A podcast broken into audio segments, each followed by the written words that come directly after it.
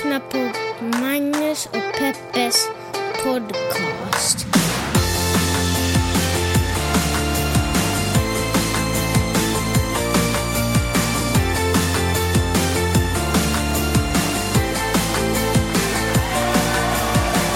Hallå internet! Det är fredag! Det är fredag nätet! What up nätet? Hej Peppe, hur är läget? Det bra Magnus, hur mår du själv? Jag mår jättebra. Tack och hjärtligt välkomna till, tack för applåderna, tack, tack, tack. Tack och hjärtligt välkomna till podcasten som heter Magnus och Peppes podcast och det är fredagsspecialen.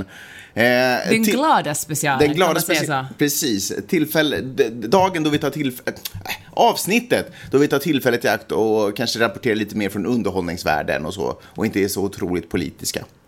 Eh, fokusera på det politiska. Men med det sagt så måste vi ju ändå prata om eh, metoo som pågår fortfarande. Folk kallar det för en kampanj. Det är ju inte en kampanj, det är ju ett upprop. Det är ju inte organiserat, det är ju inte så att folk har gått ihop och nu ska vi driva den här kampanjen för Och nej, jag har faktiskt kallat den kampanjen, jag har skrivit krönikor om det. Ja, men jag blev, eh, jag blev, kom till insikt eh, tack vare en kollega på TV4 som informerade mig genom Facebook om att det är ju inte en kampanj, det är ju ett upprop. Och det stämmer ju. Det stämmer ju naturligtvis att det är ett upprop. Men vi ska prata lite mer om det. Vill du börja och prata lite om det? Vill du säga någonting om det nu? Så får vi det Ja. bara avklarat så kan vi börja prata vettiga saker sen. Sådär som Astrid Lindgren började med döden, döden, döden. Man ska börja med me too, me too, me too. Nej men... eh, Jag Mm. Som de tänkte- facto inte är döden. Det är ju egentligen motsvar, motsatsen till det. Det är ju en möjlighet att börja leva igen. Ja. Det, jag tycker det är intressant att folk brukar tala så här föraktfullt om hashtag-kampanjer som det har ju ingen hashtag, vem bryr sig liksom? Det är folk, folk som bara är lata och inte orkar ge sig ut på gatorna och protestera eller göra någonting aktivt, de använder hashtags. Men det har ju verkligen varit en otroligt viktig och effektiv kampanj. Bara i magnituden att se att alla kvinnor faktiskt har blivit utsatta för någon form av sexuella trakasserier. Och som kvinna själv tycker det jag har talat med flera väninnor om det här, de har haft samma reaktion. Att först känner man sådär att men har jag nu verkligen, var det faktiskt så farligt det där som hände? Men så fort man börjar gräva lite i minnesarkiven så ploppar det upp allt fler incidenter. Jag tror att det, det beror på att man tycker det är så, för det första är det lite traumatiskt att bli, att bli jag ska säga, alltså man blir ju nedtryckt. En sexuell invit som man inte vill ha är ju liksom, det är inte skamligt, men det är liksom, Vi det gör en illa till mods och sånt vill man ju inte gå omkring och tänka på, så man väljer att inte tänka på det, utan bara glömmer bort det. Men sagt, metoo har fått mig liksom att, att komma på hur många situationer som helst när jag, var den, när, när jag blev utsatt för det. Och, eh, och så är det viktigt att se liksom att, att det verkligen är, det är inte enstaka män och det är inte enstaka kvinnor, utan det är verkligen allihopa. Det talade vi mycket om i, i förra avsnittet. Men eh, så, här, så vissa hashtags upprop kan ju verkligen vara jävligt bra. Och jag tänker att det finns många, många män, och speciellt mediemän, som nu sitter och är jävligt dåliga i magen, för de vet, att, de vet vad de har gjort och de vet att det bara är fråga om tid innan deras namn också kommer att ploppa fram. Det där är ju ett uttryck som har, alltså det är ju någon som myntade det där, att det var någon som, att nu sitter alla mediemännen och är, är dåliga i magen. Men hur känns det, om vi keep it real for a moment, jag ska bara. Hur känns det att vara ihop och gift med en man som också har, liksom, eh, kanske inte trakasserat, men eh, en del av den här kulturen?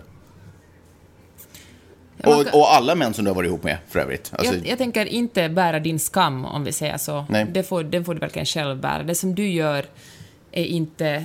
Det kanske är längden mitt problem, men det är liksom inte, ingenting jag kan skämmas för. Jag menar, skulle du ha... Ja, men det är en bra fråga. Skulle men känner du en ilska? Ja, jag känner ett raseri gentemot män, faktiskt. Och jag känner Nej, men en- gentemot mig?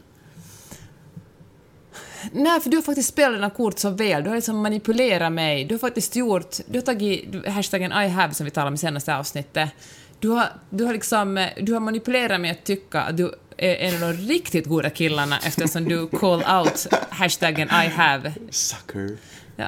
Så... eh, Så nej, men alltså jag vet ju att du har varit ett riktigt, riktigt as.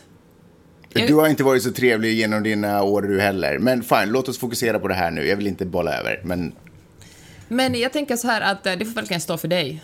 Jag tänker jag liksom inte planerar skilsmässa eller något sånt. Och jag tänker så här att det är en... eh, Du är också en produkt av vår kultur. Och, eh, och därför tycker jag det är så viktigt att, jag tycker det är viktigt att de här personerna som, har, som Fredrik Virtanen, vars namn man nu äntligen får säga, att, att han har blivit uthängd, att, att Timell också blivit uthängd. Jag tycker det är viktigt att... att Lasse Kronér. Lasse Kronér, ja. Men jag tycker att, att vi får liksom inte bara fokusera på dem och liksom dela in folk att det här är de onda männen och så finns det de goda männen. För att vi är alla, alla människor är både goda och onda, vissa kanske mer än andra, men vi verkligen, eller alla män och delvis alla kvinnor också har en skuld i det här, för att vi är uppfostrade i en, en kultur som tycker att det är okej att, att män har tillgång till kvinnors kroppar. Och... eh, fast männen har nog mer skuld till det, faktiskt. Men givetvis. Hör du, eh, George W. Bush, den äldre, gick ut i media och bad om ursäkt för att han hade groupat, heter det, alltså tafsat. Fast, fast det är väl, det är väl grövre, gropat. Det är väl verkligen, då ser jag att man liksom, man koppar en kvinnas könsorgan. Det är inte sådär att man bara rör vid ryggen när man går förbi. Eh, ja, i alla fall. Han har i alla fall gått ut och bett om ursäkt för det. Är George W, w är inte den yngre? Nej, ja, fast det här är, ja, men det här är George Bush den äldre. Ja. Mm, senior. Som, och, Rätt han är ju ändå, rätt. och han är ju ändå kvart före döden. man kunde ju döpa sina barn till annat än sitt eget namn. Ja, men, fan, ja, bra fokus, bra fokus i, i diskussionen. Men, men är inte det... det tycker jag, jag tycker det är anmärkningsvärt just för att han, han är ju liksom supergammal och ändå kan bemöda sig att komma ut offentligt med en ursäkt. Ja, jag tycker det är bra. Det är väl ganska, jag tycker att det är fint. Jag, tycker att, jag tror ändå att det här uppropet har fått, eller det känns som att uppropet har fått väldigt många män att vara sådär, oh shit, backa bandet. Jag ska försöka leva mina sista minuter på jorden lite bättre. Ja, för man kan ju, det bästa man kan göra är att istället för att söka kärlek för att erkänna någonting som kanske inte är så farligt så kan man ju säga fan, från och med nu kommer jag att jobba emot mig själv när jag får den instinkten att känna på en kvinnas bröst och säga till när andra män gör det. Marilyn Manson sparkar sin basist som han har jobbat med i, sedan 90-talet. Ypperligt exempel. Ja. I och för sig för en våldtäkt som hände för länge sedan, som jag har en liten filis av att Marilyn Manson själv kanske kände till. Och har känt till under i Ja. typ snart 30 år. Men, eh, eller 20 år. Men, eh, men ändå, han sparkar honom. Alltså, det händer ju otroligt mycket. Den nästa på ingång har jag hört ryktesvägen sägs vara Louis CK. Det är ju eh, en tragedi på så många sätt. Naturligtvis för kvinnorna, men också för att ännu en konstnär vars, vars alster jag inte riktigt kan njuta av på samma sätt längre. Jag läste också om det, men faktiskt före metoo-kampanjen Mm. florerade rykten om att han ska sexuellt trakassera en kvinna på, i produktionen. Ja. Men hade det kommit fram, eh, det kommit fram Nej, jag, vittnesmål? jag har bara hört, eh, det är bara word on the street här i LA. Så, så jag vet inte, jag vet inte desto mer. Fan, jag tycker det är svårt det där. Man vill ju inte vara en ryktesspridare, men samtidigt så är det ju oberoende vad Alexander Bard tweetar eller inte, så är det otroligt sällan Ja, ber, kvinnor... berätta om det. Vad, vad känner du där? Alexander Bard har ju gått... Han är ju galen liksom. Men är det PR-stunt? jag man tycker- kan ju inte vara så- Men vet du vad? För, för folk... För alla vet kanske inte. Vill du berätta vem Alexander Bard är? Nej, jag orkar inte ens berätta. Googla Alexander Bard. Han, eh, han var... Okej, fuck it. Han blev känd i... Uh, genom Army of Lovers. Army of Lovers, precis. Och nu har han någon slags 90-talet. Ja, självutnämnd bra. internet och framtidsexpert. Ja, för han lyckades på 90-talet så lyckades han naila att internet kommer bli stort. Eh, och, och, det, och det kan man ju flina åt nu, men då så fattade man faktiskt inte det. Eh, för det var jättemånga försök att få, eh, liksom, att kunna sälja saker på nätet som totalt misslyckades. Är ju en av de största och mest kända. Så att, så det är inte bara sådär att han sa, nailade det. Eh, men det är fortfarande, det är lite Elisabeth Rehn, det Men han hände på lever- 90-talet. Ja, precis, han lever fortfarande Liksom. på det. Ja. Ingen skugga ska fällas över Elisabeth Rehn, men jag menar, man kan, man kan vara stor på 90-talet. Utan Och att vara stor ta- 2017. Ja, ingen ska behöva ta det ifrån en. Ja. I alla fall.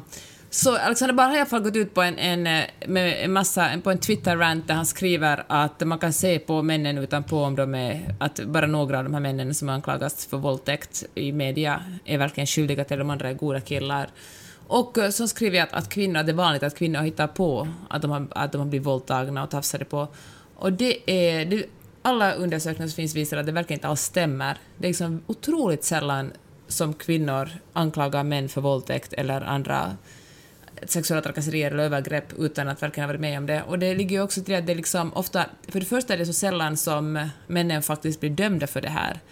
För det är ord mot ord. Och för det andra så är det också fortfarande ligger det en liten en skam i det. Att det finns en skam i att vara ett offer och ett skam i att, att bli utsatt för det här. Plus att ofta är man också rädd, jag menar det som har talats mycket om, om kulturen på många arbetsplatser där personen som har gett sig på en har så mycket mer makt och man är rädd att man aldrig mer kommer att få jobba. Se bara på Harvey Weinstein, man aldrig mer kommer att få jobba i branschen om man, om man går ut och anklagar den här personen för någonting. Så jag tycker att eh, Alexander Bard, någon, borde, någon vuxen borde komma och stänga ner hans eh, Twitterkonto. ja, för han, han, han skyr ju inga medel. Han har gått ut och sagt att han tycker att det är förkastligt av SVT att kunna eh, att eh, ge Cissi Wallin utrymme för alla de här lögnerna. Att det är totalt... Just han har kallat henne häxa och mytoman. Och, Precis, ja, och att han känner alla de här männen som har blivit anklagade och en av dem är en douchebag men alla andra är superschyssta, skulle aldrig göra något sånt. Det är intressant i det att jag känner dem och jag vet, för det, jag tror att det är något som vi alla vill säga, att nej, jag känner honom, han är en bra typ. Nej, jag känner honom för att han är, det är min brorsa eller det är min eh, kollega och vi hänger ju, han är, han är ju superrolig, han, som du till exempel Magnus. Och sen, eh, men jag tänker att folk kan ha många sidor. Folk kan vara en jävligt bra typ, och nu påstår jag inte att du är en våldtäktsman såklart, men, eh, men folk kan ändå, bra typer kan också våldta kvinnor, eller bara sexuellt trakassera dem. Men eh, så jag tycker att där gör, där gör, den här, där gör Alexander Bard ett jättestort eh, tankefel. Och när du säger Men- sådär, men- men är det en PR-stunt? Ja, jag hade tror bara fått få uppmärksamhet. Jag tror inte det. Då säger jag bara fuck you Alexander Bard och fuck you alla som tycker det för att vadå liksom, det är ju också en form av ursäkt att säga såhär, nej men han är ju boys will be boys, man vet ju hur Alexander Bard är, han vill provocera och röra om lite i myrstacken. Ja, men stå för dina ord då. Om du verkligen tycker, jag skiter i om det är en provokation eller inte en provokation, om du skriver något assholigt så är du ett asshole. Förstår du vad jag menar? Då är du liksom skyldig till dina anklagelser och dina felaktiga påståenden. Det har ingen betydelse varför han gör det. Om han gör det så får han stå till svars för dem. Magnus, jag såg att du på Facebook la ut en bild på Aftonbladets och Expressens löpsedlar i, det måste vara i tisdag, i Sverige. Där Expressen var sådär, nu namnger vi mediemannen som Cissi Wallin pekade ut, det är Fredrik Virtanen. Så här står det, så här löd Expressens löpsedel. Historien om Aftonbladet-profilen Fredrik Virtanen. Anklagelserna, nätverket, drogerna, mediekritiken. Och under det så är det dessutom Expressen avslöjar TV4 visste om Timéns övergrepp i nio år. Sen vägg i vägg på Aftonbladets löpsedel SMHI varnar ruskväder i hela Sverige. Snö, storm, regn och halka. Och så under, missa inte TV-bloggen och kryss. Undrar hur det kändes att vara Aftonbladet med, eh, eller egentligen ansvarig utgivare för Aftonbladet, kliva upp den morgonen och se löpsedlarna bredvid varandra. Vilken tidning tror du man väljer då? Alltså livsfarligt. Man, jag säger inte att man inte vill veta någonting om vädret. Det är ju, det är ju, det är ju alltid Det är aktuellt. höst, kommer det att vara ruskigt, kommer det inte att vara ruskigt? Exakt. Var Det- kan man läsa mer om det? Det är alltid aktuellt och spännande. Efter det så, vad heter det, intervjuades ju Fredrik Virtanen i Aftonbladet själv.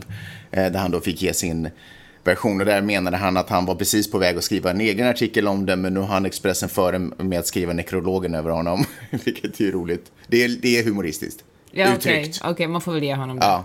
Eh, men, eh, men nu var det inte så, utan nu måste han bli panikintervjuad eh, av sina egna, rep- av, Mm. av liksom inomhuset. Och... Eh, Och han så här, jag har betett mig tölpigt och skitstövligt. Mm, tölpigt är ett, ett stort ord nu. Kalle Schumann gjorde faktiskt en rolig tweet. Han skrev Hagamannen var en tölp. Ja. ja. Det var då tölp, vad fan snackar han om? Det är inget tölp. Det är roligt också hur Aftonbladet sådär antyder att anledningen till att man nu går ut med Fredrik Virtanens namn var för att han själv skulle skriva en artikel om det, inte för att Expressen brände dem precis. Jag måste säga att Expressen hade ju skrivit en jättelång artikel med flera olika skribenter och eh, den var ju inte världens bästa journalistik. Nej. Alltså, det, de, det verkar som de hade väldigt bråttom när de skrev ihop den. Men där kändes det som att man köpte den för att man var så otroligt hungrig. Så det spelar ingen roll vad pizzan smakar. Man vet att det är pizza, så man måste bara ha den. Du menar de som köpte kvällstidningen? Ja, precis. Man, bara, Men jag man ville så ju här- ha namnet publicerat någonstans. Exakt, och då var de så att okej, det är bara en fråga om dagar innan Aftonbladet kommer att själva gå ut med, Mm. med Virtanens namn. Vi måste vara först. Ni tre, ni fyra, eller hur många det var som skrev den, skriv ihop det här snabbt. Ja. Och så skrev de det. Och så var det, så var det liksom... eh, Vad var det du tyckte var dåligt med den då? Ja, men det var en massa, det var en massa snack om hans äh, drog och hur mycket, hur mycket droger han har tagit och hur mycket sprit han har druckit. Och utan det var en drogförespråkaren eller en alkohol, speciellt, det är ju inte förbjudet att vara full. I, och det är ju inte, okej det kanske är förbjudet att ta droger. Men, det, det är inte nödvändigtvis i Kalifornien, alla droger. Men, eh, men jag tänker så här att det är liksom, eh, för det första, jag fattar att de vill liksom bygga upp en bild av Ja, den men här det är ju exakt personen. det. De bygger ett case runt honom. Jag vet, men jag tycker det var ändå, det var ändå sådär lite spekulativt. Plus att det var sådär att ja, han var ju hög och full, nu fattar man ju vad sådana människor kan, är beredda att göra. Jag vet, liksom, det finns Va? en... Ja, jag tycker det fanns en sån här koppling där att på ett sätt förklarade det lite, men han höll ju på med droger, så då fattar man ju liksom att, att Nej, jag var... kände att om de, om Express, jag tror att Expressen tänkte så här, om vi ska gå ut och, och gå ut med namnet nu och försöka sänka den här duden, så då räcker det inte med de här våldtäktsanklagelserna, för han kan alltid säga att det stämmer inte. Och sen så blir det lite ord mot ord och så faller det inte. Så de försökte ha ett stort case med massvis med saker och det var därför jag tror Ja, att de... fast jag gillar inte det. Alltså jag tycker inte det riktigt är bra Men vadå, det inte det, var inte det lite det som New York Times också hade gjort med Weinstein? Att det räcker inte med den här ena våldtäktsanklagelsen, man måste ha ett stort case. Ja, en massa olika kvinnor som säger samma sak. Mhm. Och det kunde ju också, jag menar, nu vet jag... Så det var, det var inte okej att framställa honom som en tvivelaktig person? Nej, faktiskt inte. Nu vill jag absolut inte försvara Fredrik Virtanen. Jag tycker att en bra, men jag tycker att en bra journalistik ska vara att, tala, att bara tala med människor och få en massa olika vittnesmål inte kri, och kring just sexuella trakasserier, om den här texten handlar om sexuella trakasserier. Jag tycker faktiskt inte att det är relevant hur mycket, hur mycket, hur mycket han har knarkat eller hur mycket han har supit. Det kanske man kan nämna i en mening, men den här liksom historien handlar liksom... Men som du sagt, byggdes, det det byggde verkligen upp en historia om den här mannen som gjorde det ena och det andra. Tycker att... Men som att- glider in på kontoret, lite knarkig, kräver uppmärksamhet, sitter och snackar med cheferna, hänger med Stefan Löfven typ och alltså... Fast tycker jag en annan, det är inte heller samma sak. Jag tycker att okej att, att han har stått och rökt ute med, eller det var kanske en andra, det var, de har ju också hängt ut en annan, eller liksom talat med en annan, in, ännu icke namngiven redaktör som liksom, eh, och så att både Fredrik Virtanen och den här redaktören var såna som var så rappa i käften och så sarkastiska att till och med, till och med cheferna var rädda för dem. Att man kunde bli så offentligt förnedrad om man var emot dem, så cheferna valde liksom att se mellan fingrarna. Jag tycker att det är ytterst relevant, men jag tycker inte att det är liksom, eh, ja, jag vet inte, jag tycker liksom jag tycker inte de ska vara, vara tvungna att dra på så jävla mycket på det här knark och alkoholkortet. Jag tycker de borde bara satsa på, på personen och, de, och flera olika vittnesmål från tala, intervjua en jävligt mycket massa, massa människor och byggt en historia på bara sina vittnesmål istället spekulativt kring exakt hur mycket han har knarkat och druckit. Hur känns det nu då att namnet är ute? Ja, jag känner sådär som med New York Times, att tillräckligt många människor har kommit med ett vittnesmål, då kan man publicera det namnet. Och inte för att jag tvivlar en sekund på Cissi Wallin, alltså. Det, det, men jag tycker att... Eh, fan, det är svårt det där, men jag tycker att det är så otroligt viktigt i dessa tider att media måste sköta sig precis korrekt. Alltså man måste vara... För det finns en så stor... Folk, eh, folk litar... Eller vet, ja, folks förtroende för media vacklar hela tiden. Och för att kunna på något sätt bibehålla sin demokratiska uppgift så måste därför media vara jätte, jättenoga med sina publicistiska beslut. Och det, hand- det handlar förstås också om vem de ska, vilken namn de ska... Att, alltså det är också ett public, publicistiskt... Det, det är både att publicera ett namn, ett publicistiskt beslut, och att inte publicera det kan vara ett felaktigt publicistiskt beslut. Nu säger jag liksom inte att, att, eh, att, att det ena ska vara mer rätt än det andra, men jag tycker att man, det krävs man måste vara noga, liksom alla, alla, det måste noga övervägt i alla fall. Man får inte bara, gå liksom vara för uh, trigger-happy och försöka, trots att man är kvällstidning, vara snabbast ute. Jag tycker kanske inte nödvändigtvis att Aftonbladet när det kommer till att publicera namn jag har agerat fel i just den situationen. Det är bara det att jag upplever att de har agerat så mycket fel i så många andra situationer att det är ironiskt att de nu blir så otroligt korrekta och det är kanske där jag tyckte mer har varit orättvisan. Att om ni ska slarv, om ni ska lite se mellan fingrarna när det kommer till att publicera namn och hänga ut andra människor genom tiderna, jag snackar inte bara Timell och allt det där.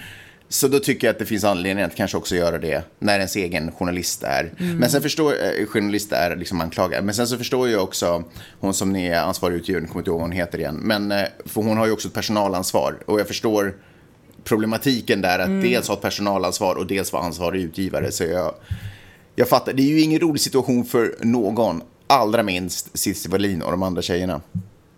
Men eh, det var det här med se mellan fingrarna som jag kände kanske var lite så här, kom igen, nu får ni fan trycka ut det.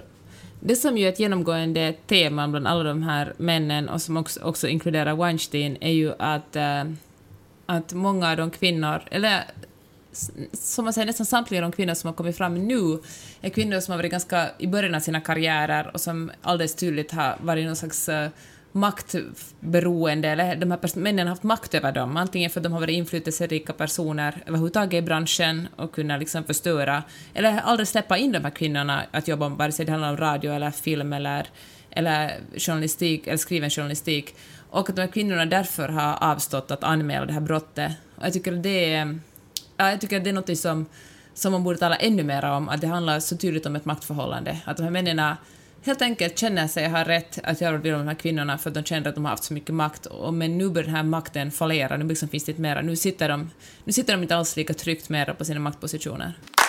Ja, det är väl oundvikligt så att det kommer pratas ganska mycket om sexuella trakasserier i, i den här podden. Jag skulle ta upp Ellen DeGeneres som har blivit eh, kritiserad för att ha sexuellt, eller vara sexistisk ska jag säga, inte sexuellt trakasserat. Katy Perry, har du talas om det?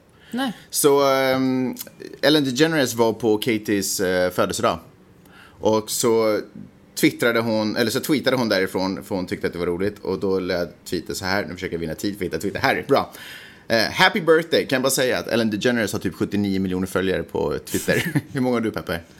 3000. Happy birthday Katy Perry, It's time to bring out the big balloons. Som är en referens till en låt eh, som Katy Perry har kommit ut med. Eh, men det hon också gör är att hon attachar en bild på, eh, till den här tweeten som är alltså att hon stirrar ner på Katy Perrys då supposedly big balloons, alltså hennes urringning. Mm. Och då har folk eh, blivit upprörda och arga mm. och tycker att det här är sexistiskt gjort av Ellen. Eh, ska, ska också tillägga att Ellens fru står precis bredvid henne och, och asgarvar också. Ja, skitsamma. Eh, så att det är inte någon sån där flört eller någonting. Är det här sexistiskt? Är jag nu sexismpolisen? Ja, du, nej men du... du men vad säger Katy Perry då? Blev hon, tog hon illa upp? Du är en kvinna av, med åsikter, med en åsikt. Då har Katy Perry reagerat på det här på något sätt? Eh, det framgår inte av artik artikeln som jag läser på Washington Times. Ja, Ja, fan det är svårt. Jag vet inte om det finns något rätt eller fel. Det handlar ju liksom om, om... Som alltid handlar ju humor om sammanhanget och avsändare och mottagare. För att säga det här superdiplomatiskt nu. Men det är ju ett problem om, det, om hon har liksom nästan 80 miljoner följare på Twitter. Då är det ett ganska stort sällskap som tar del av den här humorn. Jag tänker att det är ju en... Eh, det, är ju, det legitimerar ju en viss... Det legitimerar ju sexism eftersom en, en person som är beundrad och älskad av många, om hon gör något sexistiskt, som hon kanske, kanske hon borde ha gjort det liksom, kanske hon borde ha dragit det skämtet bara för de inblandade istället för att ha dragit det på Twitter. Så ja, kvinnor kan också vara sexistiska och äh, ja, jag tror faktiskt att, att, att det, var, det var kanske ett onödigt skämt om vi säger så. Folk har ju, eller folk och folk, men eh, någon enstaka typ som har då kommenterat under det här tycker att hon, hon är, det här är motsvar, det här är liksom Harvey Weinstein-nivå på det här. Och har liksom till och med gjort en bild där de klippt in Harvey Weinstein som mm. Ellen och Ellens fru, jag kommer inte ihåg vad Ellens fru heter, och Harvey Weinstein då skulle titta ner ur ringen. Och, och det ser ju inte hälften så bra ut om vi säger så. Är det samma sak? Jag, jag, kanske ändå inte tycker att det är samma sak. Nej, det tycker jag faktiskt inte. Alltså, Harvey, Harvey Weinstein har ju systematiskt använt sin makt till att få onanera framför unga kvinnor. Ja. Och sagt att ni får inte jobb om ni inte tittar på min snopp. Men, eh, men jag menar, nu har ju Ellen DeGeneres kämpat med en person som är nästan lika populär som hon i samma ställning som hon. Mm. Jag tror inte att Katy Perry på så vis är ett beroendeförhållande Däremot tycker jag att, att det som... Men det ursäktar ju inte heller... Alltså det är ju ändå det är ju sexistiskt Nej, Peppe, det är, inte sexist, det är inte sexistiskt att uh, Ellen DeGeneres uh, liksom tittar ner i uh, urringningen på Katy Perry och liksom gör ett skämt av det. Det är inte sexistiskt. Det här är ju bara, alla de här kommentarerna är ju från män. Det är ju män som är upprörda över att de inte får te, bete sig på samma sätt som kvinnor. Det är ungefär, det här är liksom lika sexistiskt som att kvinnor Fair delar enough. dusch med varandra. Det är liksom inte... Det här är inte, det är inte något sexuellt, det är inte något, något antastande. Men folk är idioter. Då tänker jag så här också att jaha, men om Ellen DeGeneres får säga det, då får jag också säga det. Folk ja. fattar ju inte skillnaden. Det här är ju också baktanken. Det här är ju Ellen DeGeneres som inte är dugg intresserad av att kliva på Katy Perry. Till skillnad från Harvey Weinstein om han har gjort samma grej. Det är ju liksom baktanken som också är väldigt För att avgörande. kan ju också handla, att nu säger jag, nej fan, okay, Det är ett objektifierande, nej. fair enough, men, men inte sexistiskt. Nej, jag, tycker, jag tror inte liksom att Ellen DeGeneres försöker trycka ner att hon vill göra en vits. Men jag tänkte att också om man gör skämt betyder... Alltså ett, det betyder inte att hon vill liksom sätta på Katy Perry att hon vill liksom få Katy Perry att... För, eller förminska henne. Men jag tänker att en sexistisk skämt på något sätt legitimerar ändå en sexistisk miljö. Men på vilket liksom- sätt är det här sexistiskt? Jag förstår inte det. Att det är okej att, att uh, skoja om kvinnors bröst. Fast det kanske Nej. är okej. Varför, för- ja, för det första, varför får inte det vara okej? För det är också en bra poäng. Men för det första så är det väl att det är okej att skoja om kvinnors bröst. Nej, det det kanske möjligen är, är att det är okej för en kvinna att skoja om en annan kvinnas bröst. Det är, inte, det är inte så att Ellen DeGeneres säger här med den här bilden, det är fritt fram allihopa. Kör. Stirra djupt ner i urringningar hur Fast mycket du kanske vill. hon gör det lite. Nej, det gör hon ju inte. Det Men finns hon sätter det. exempel.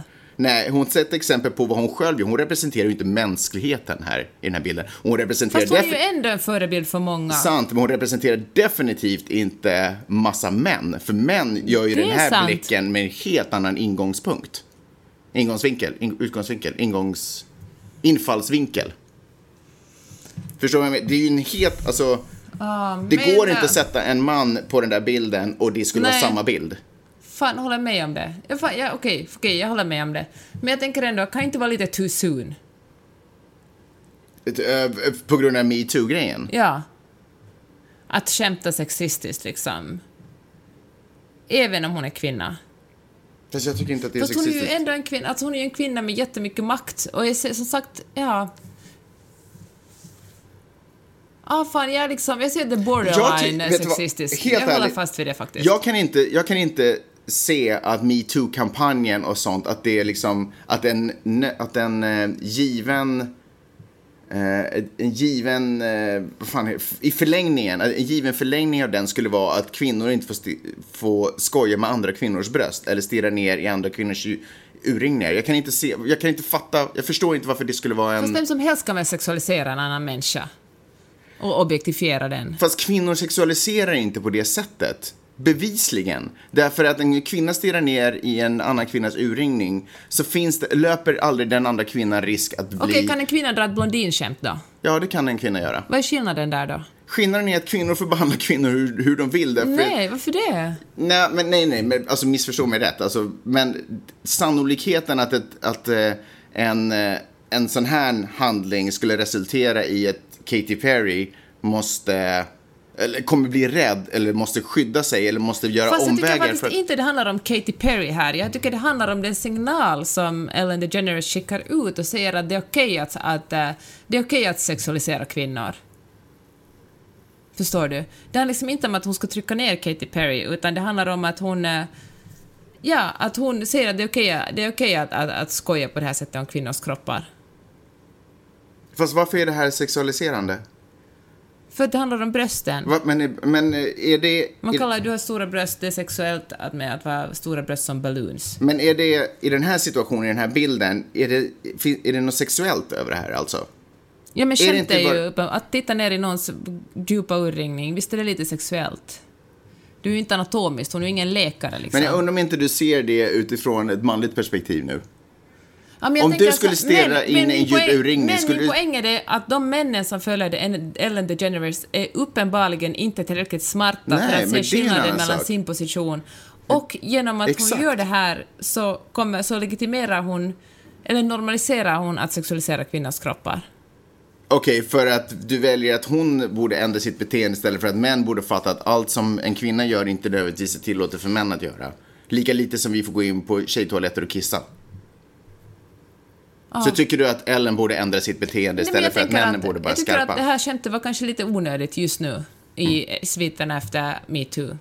Ja. ja, synd att du ska ja, ha den här inställningen. Det, är det enda jag har att säga.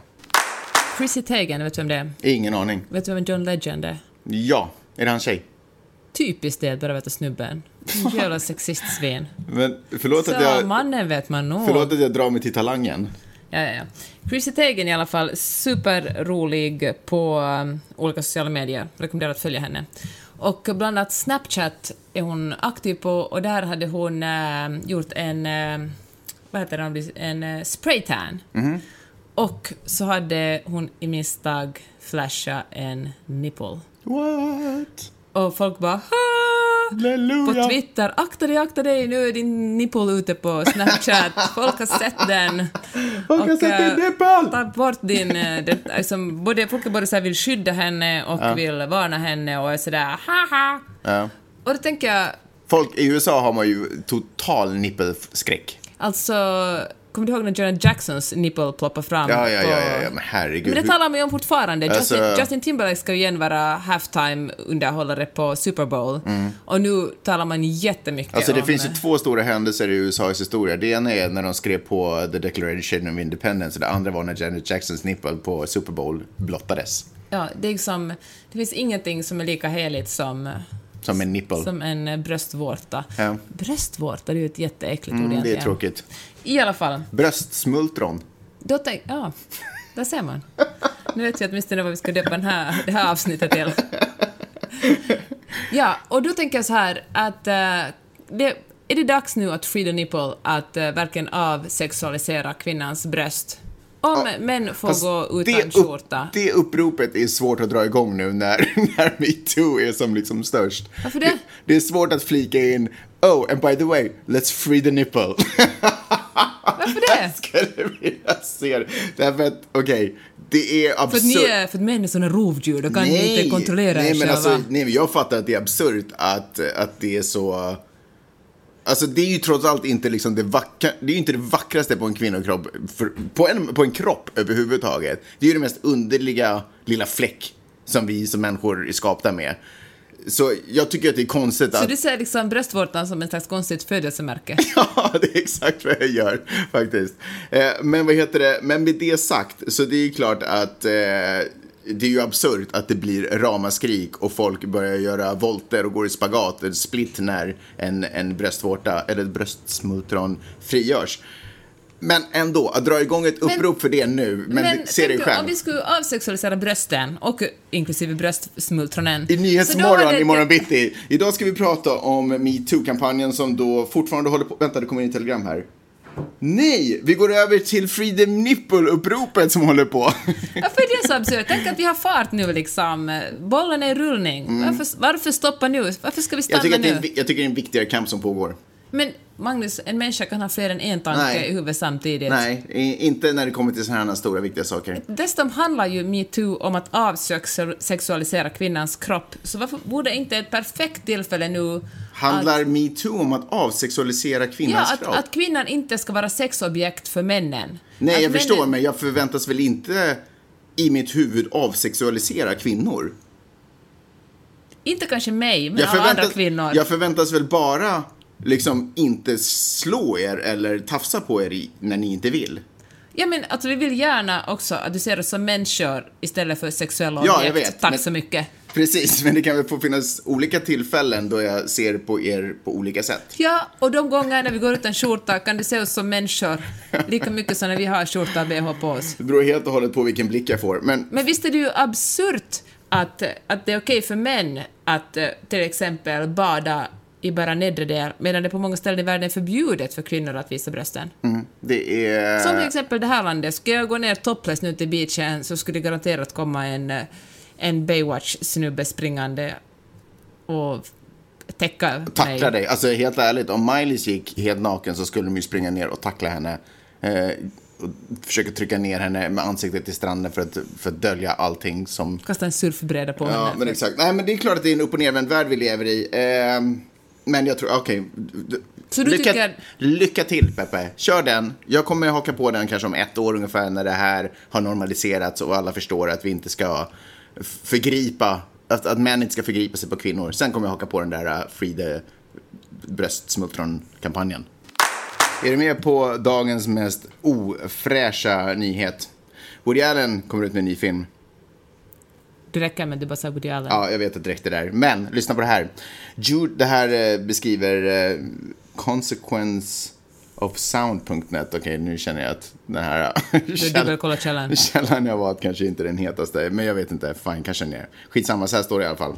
Jude Law plays a middle-aged married man who has a relationship with a 15-year-old concubine played by Elle Fanning. En 44-årig man som har en relation med en 15-årig. Men ska vi, måste, Men måste han verkligen? Det är sådär att... att ska vi sitta och titta på hans sexuella fantasier? Ja. Alltså det är ju så stört. Det är så jäkla som stört. ingen skam i kroppen överhuvudtaget. Alltså han är verkligen, men han är verkligen en av de där gubbarna som är ingen, han har liksom ingen, ingen skam i kroppen överhuvudtaget. Förlåt, jag, är liksom, jag tycker För- det är så vidrigt. För er som inte känner till bakgrunden till det här så 1992 så skilde sig Woody Allen ifrån Mia Farrow efter att han hade haft en relation med deras adopterade dotter. Jag tror Eh, att det var bara Mias dotter. Ah, okej. Eh, Efter att han hade haft en Men relation. de hade en, Mia Farrow, jag har läst hennes eh, biografi, superbra Mm. förresten. Hon alltså har en massa adoptivbarn varav den här dottern var en av dem. Och uh, Woody Allen var alltid, de, samtidigt hade hon en relation med Woody Allen, de bodde i varsitt hus på varsin sida om eh, Central Park. Mm. För att han ville inte bo med henne. Och eh, han var helt väldigt ointresserad av hennes adoptivbarn fram tills att den här dottern började komma in i tonåren. Och då började han ta henne på en massa baseballmatcher och umgicks mycket med henne.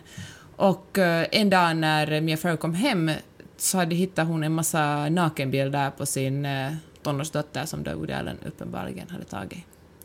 Eh, otrevligt. Ja, men då behövde jag inte Idag är de berätta. gifta. Idag är de gifta. Så no harm done. Nej, men alltså, ett, man är ju ett barn när man är 15. Ja, inte okej. Nu kommer den i alla fall ut med en film som lär ska heta enligt ryktena Rainy Day in New York. Vi vet inte riktigt när den har premiär, men då ska vi alltså få bland annat följa Jude Law som spelar en men 44-årig tänk man. att han spelar med i den filmen. Ja, jag fattar inte det. Hur tänker man som skådespelare då? Att det här har vi en snubbe Det som känns då... fräscht och nytt. Ja, och här, här har vi en regissör som eh, tveksam inställning till eh, unga flickor. Eh, gör en film om exakt det här sexuella övergreppet. Eller no, okej, det var kanske att gå för långt, men åtminstone Men vet du, jag tycker det är ett sexuellt övergrepp om en vuxen man har en börja relation med en romantiskt börja uppvakta en tonåring. Ja. Och till och med ha sex med henne. Ja, vilket fall som helst.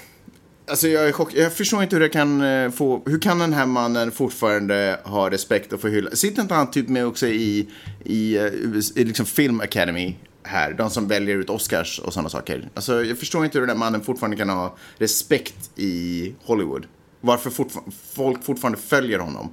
Men R. Kelly får ju fortfarande göra skivor och folk köper dem. Du vet, han kissar på en 13-åring. Ja, men vet du, R. Kelly tycker... Thanks. Eh, R. Kelly tycker ändå har Sexuellt. förvandlats till ett skämt. Han är ju inte den R. Kelly han var innan. Måhända släpper jag tveksam på hur bra det går också. Woody Allen har ju fortfarande så otroligt stark kultstatus.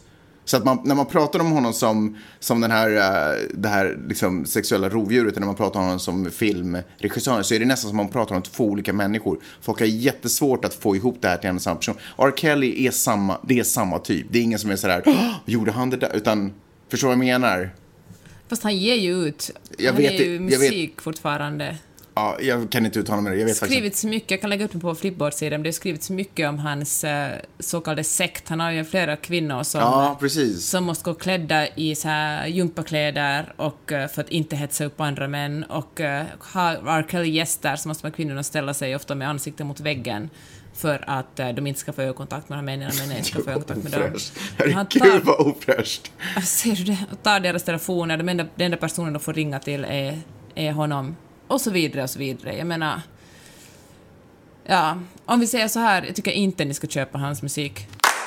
En av de stora räddningarna som vi alltid kan luta oss mot eh, här i Los Angeles om man saknar någonting hemma är ju Amazon. Amazon är ju kanske världens bästa företag och vi är dessvärre inte sponsrade av dem. Men Eh, du vet väl att det är vidrigt att jobba för Amazon? är det det? Ja. Vänta, hur menar du? Vid, New York I vilken, Times i vilken kom ut position? med ett eh, reportage om hur eh, folk verkligen, folk som går i väggen får sparken eller så blir de uppmanade att bara klättra över väggen. Och eh, det finns en angivarkultur där, där man ska ge feedback, inom stationstecken feedback på sina kollegor och chefer och se hur de jobbar. Alltså sådär, ratea dem typ? Har de ett Ja, ratingsystem? men typ. Och äh, ja, det är otroligt... Äh, alltså, vad heter det? Konkurrensen där är otrolig och får man barn så kan man räkna med att inte kunna hålla sig i racet för att äh, då är man en mes. Så Plus att... Det är eh, roligt, för det är kanske det mest hardcore man kan göra. Ja, visst är det det.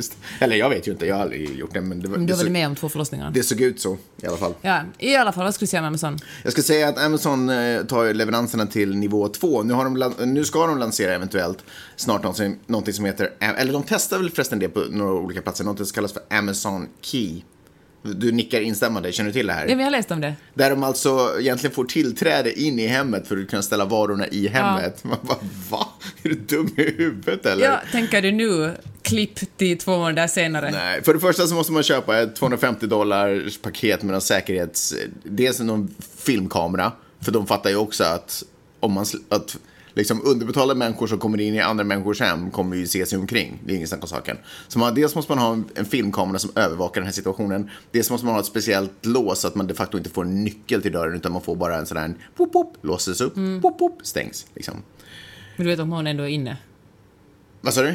Det, det, det är ändå ett sätt att komma in för den här personen. Jo, jag vet, men jag, jag sätter liksom tidsramen för när den här dörren går att öppnas med det här. Så det är inte så att en Amazon-anställd alltid kan gå in och ut i mitt hem. Liksom. Han har inte fått en Så det är som i natt när du vaknade av att någon pickade dig på axeln. Alltså, fan, jag höll Om på- två månader fram i tiden kunde det vara en Amazon-anställd. Alltså, jag höll på att kissa på mig. Eh, vidare vaknar upp i natten och kryper upp eh, bredvid sängen och står som en liten eh, blond vålnad och bara trycker in ett pekfinger i sidan på mig. Alltså, jag flög upp som ett jäkla skott.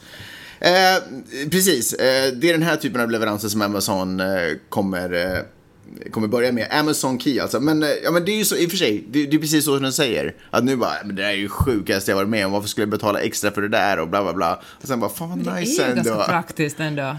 Nej, egentligen, det är ju Snart kommer de bara sådär att ja, vi behöver ditt socialskyddssignum och din bild på ditt körkort och din mammas, din mammas släktnamn och i början protesterar vi lite och ja, sen vet, sen vet de allt om oss.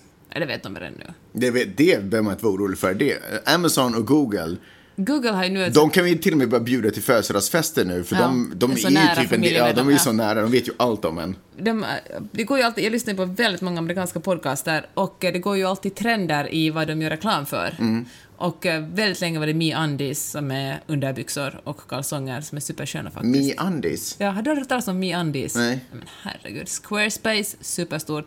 Känns som jag borde få betalt av de här. Men i alla fall, just nu är vi inne i en period där alla får reklam av eh, Google, för de har en ny sån här Alexa, du vet Amazons Alexa. Ja.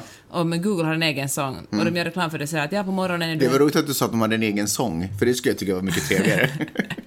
ja, men de har en egen Siri och Alexa. Ja, men precis. Så man stiger upp på morgonen och så man sådär Google, eh, berätta vad som har hänt i natt, berätta nyheter för mig. Och eh, Google, jag måste köpa mer kaffe, sätta på listan och så fixar den här personen i den lilla lådan det. för det är så tekniken fungerar. Och, eh, och tydligen så vet jag skillnad också på till exempel din röst och min röst. Så att om det är du som beställer någonting, om du beställer porr till exempel, så är det sådär att nej, det tycker jag inte Peppe om. Nej, det, nej, det vet jag ingenting och du tittar på så mycket porr du vill och slänger inte våldsporr eller barnporr eller djurporr. Men, Eller Woody Allen-filmer. eller, ja men det tänkte föll i en, en av de kategorierna. Ja, jag vet inte, vi kom in på porr, det kommer ta en annan, en annan gång. Men i alla fall så, ja, de har all vår information. Och nu kommer de att spela in vårt prat också. Det kommer att göra. Så eftersom de redan vet allting om oss så behöver vi... Det sista de behöver är ju också vår nyckel, kan jag känna. Det är liksom, kan vi inte åtminstone hålla kvar väggarna mellan oss så att det känns som att ni inte redan är inne i våra Ja, hem? så man får leva illusionen om att det inte finns människor här inne. Ja, Amazon Key, det får minus av Magnus Peppes podcast den här veckan. Hörni, det var allt vi hade att bjuda på den här veckan. Tack så hemskt mycket för att ni finns, för att ni tycker om oss, för att ni lyssnar, för att ni supportar oss på de sätten som ni vet bäst, nämligen att prenumerera på podden så ni garanterat får den i brevlådan. Ibland är vi ju sena, eh, inte för att vi är lata, inte för att vi inte vill, utan för att skit händer, omständigheter och vi försöker leva liv här parallellt med internet. Eh, men då är det bra att prenumerera, för då kommer du ner i brevlådan så fort, man, eh, så fort den ligger uppe. Och nästan alltid kommer det varje tisdag och varje fredag en podcast. Det är åtminstone vår yttersta ambition. Och tack också för att ni ratear vår podcast. Tack för att ni ger fem stjärnor. Tack också för fyra stjärnor, måste jag väl ändå säga. Lite tråkigt när vi börjar komma ner på tre. Men jag är tacksam för att ni ratear oss och för att ni skriver snälla saker. Det är så otroligt Och det roligt. betyder så otroligt mycket för Det, oss. det gör det faktiskt. Eh, är det så att ni känner att ni ni eh, vill göra rätt för er så ska ni naturligtvis också gå in och betala. Eh, och det är roligt att jag säger det i slutet här för att statistiskt så har folk slutat lyssna redan nu när de märker att vi börjar droppa av. Men jag säger det ändå. JeanetteOfman.com, högervalken, där har ni två Paypal-symboler. Den ena tillåter er att månatligen betala 2,80 cent. Eh, alternativt att betala per avsnitt 96 cent. Eh, Alltså 280 dollar. eh, i cirkus. Verkligen, ännu ett stort tack. Låt mi, hashtag mi-uppropet fortgå. Och eh, behandla varandra väl och var snälla mot varandra. Hej då!